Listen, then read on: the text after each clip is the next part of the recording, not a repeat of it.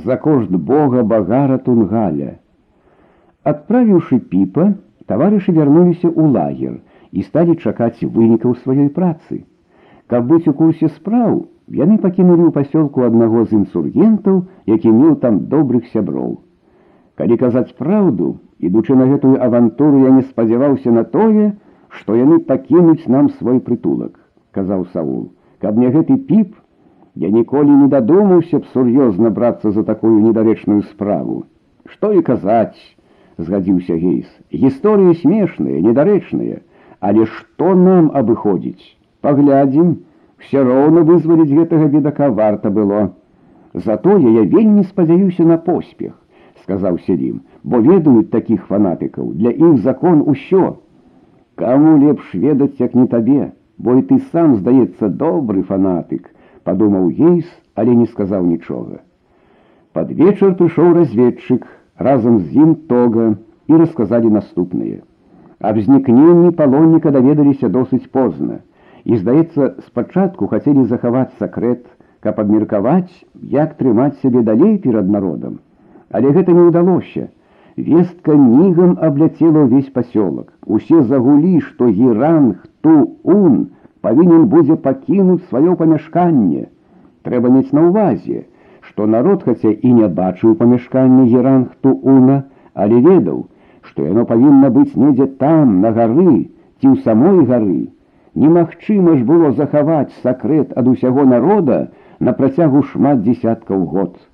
Тым болей, што святыя мужы ўсё-ткі мелі дачыненне да народа.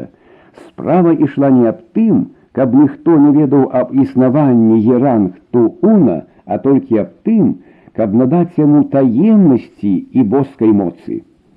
Калі ўжо народ пачаў казаць, што геранг туун прыйдзецца пакінуць сваю кватэру, то жрацам немагчыма было замазаць справу, як апошні сродак захаваць становішча, з'явілася была думка замясціць непасрэднага віноўніка яго дапаможнікам того, але ён аб гэтым прачуў і загадзя уцёк. Зноў адбылася нарада ў геранг тууна, але ўжо зусім у другім тоне. На гэты раз старэйшы і мудрэйшы муж сказаў прамову зусім іншага зместу: браты, мы памыліліся і не толькі памыліліся, але нават разгнявілі вялікага духа, мы не мелі права па-свойму тлумачыць закон, якім кіраваліся нашыя продкі. Яны ж былі мудрэйшыя ад нас і ведалі, што рабілі. Вялікі сам намбунгу нездарма ж рабіў так, а не іначай. Яны не тлумачылі закон па-свойму. І вось багара Тунгаль паказаў нам, што ён не прызнае нашага самавольнага тлумачэння, што ён патрабуе, каб мы выконвалі закон, як ён ёсць, без ніякіх хітрыкаў. Хіба іначай ён мог папусціцца, каб гэты чужаземец уцёк з царквы. Ці мала такіх людзей было за сотні гадоў, але мы ні разу не чулі, каб яны ўцякалі адтуль. І вось цяпер чамусьці гэта здарылася і здарылася акурат тады, калі мы адступіліся ад закону. Ці можа быць лепшы довад, каб паказаць нам наш грэх, браты, няма чаго нам болей разважаць мы павінны толькі пакаяцца і выканаць закон. Не забывайцеся, што мы лічымся адзінымі захавальнікамі вялікай рэлігіі нашых дзядоў. Грозна скончыў стары. І зноў, як і тады настала цішыня, і зноў ніхто не хацеў гаварыць, але думкі ўсіх былі зусім іншыя. Ні адзін з іх баяўся, што яму пападзе ад багара тунгаля за тое, што адважыўся крытыкаваць закон. На другі дзень Еранхтуун перасяліўся ў агульнае памяшканне сарака. Хоць і добрыя пакоі яму адвялі, хоць і абсталявалі іх па-царску, але ўсё ж такі было зусім не тое, што раней, і больш за ўсіх шкадавала свайго месца і пралівала слёзы жонка Еранхтууна, адзіная жанчына, якая мела права жыць сярод святых мужоў. У лагеры зараз жа даведаліся пра ўсе гэтыя справы ад сваіх разведчыкаў і вельмі былі задаволены. Цяпер і я ўжо буду лічыць старадаўні закон вельмі мудрым і карысным, смяяўся пуан. Для каго-небудзь яны заўсёды бываюць карысныя, дадаў гейс. Галоўным чынам для тых, хто ўмее іх скарыстаць, скончыў салул. Усё гэта добра, сказаў селім, але якім чынам заняць нам вольнае памяшканне.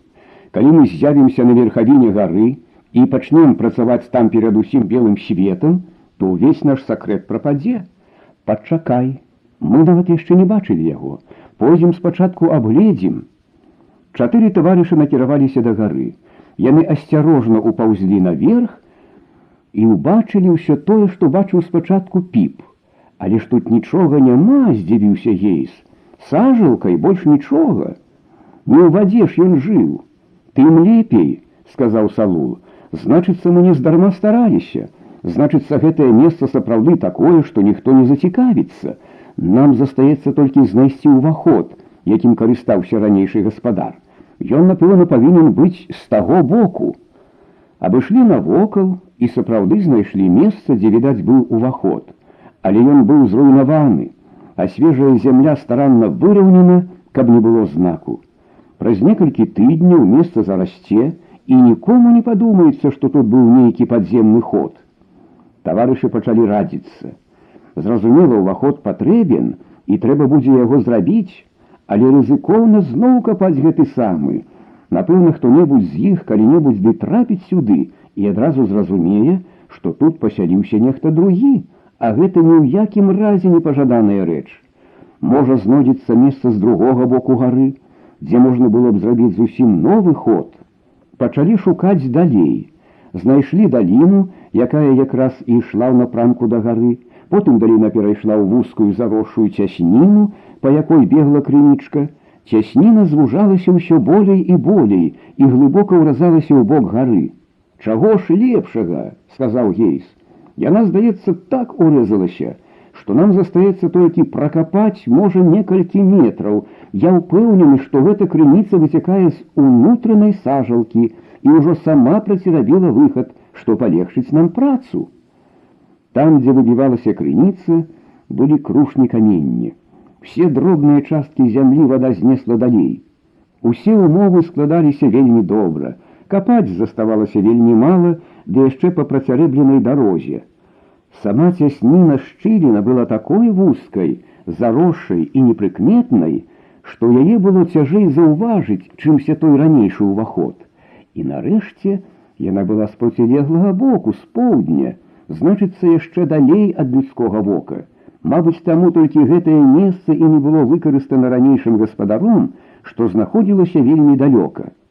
Праз некалькі гадзін 20 чалавек працавалі ў цясніне, але ледзь толькі адвярнулі галоўную масу камення, як грозна завурчэла вада і хлынула знутры, уносячы з сабой і каменні, і зямлю, і людзей. Сёй той з таварышаў насадзілі сабе гузакоў у гэтай шчаслівай для іх катастрофе. З гадзіну бурліла і неслася вада.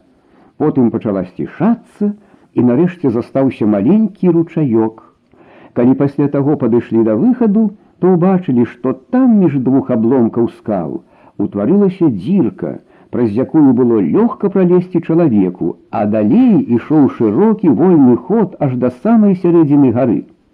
Абрадаваліся сябры, што прырода сама ім дапамагла і на выперадкі палезлі ўнутр.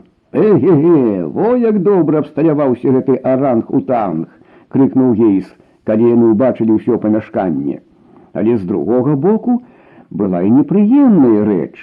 Знікла сажалка, а на яе месцы ў глыбокай яміне засталася толькі невялікая лужына. Гэта мне не падабаецца, прамовіў седзім. Цяпер ужо наша рэзідэнцыя мае зусім іншы выгляд. Калі раней нікому не магла прыйсці ў галаву думка, што ў возеры нехта жыве, дык цяперака ўжо можна гэта дапусціць. Не паспеў яшчэ ён выказаць свой жаль, як некалькі чалавек ужо прапанавалі зрабіць маленькую грэблю, каб падняць ваду. Гэта нават яшчэ лепей будзе як раней, казаў гейс, мы зможам тады нават рэгуляваць узровень вады. Напрыклад, калі мы будзем цягаць сюды нашыя рэчы, мы можам спусціць ваду, а потым зноў падняць, нават вышэй за ранейшае. Праз некалькі дзён самае пільнае вока нічога не заўважыла па ваколіцах бадувіскага пасёлку. Лагер опустел. 250 чалавек пад камандай Пуана пайшлі праз горы на паўднёвы бераг да скал ластаўчыных гнёздаў па зброю. Салул і Гейс пусціліся ў сваё далейшае падарожжа. Селін вярнуўся ў бантан, а рэшта засталася ў палацы Геранг Ту-Уна.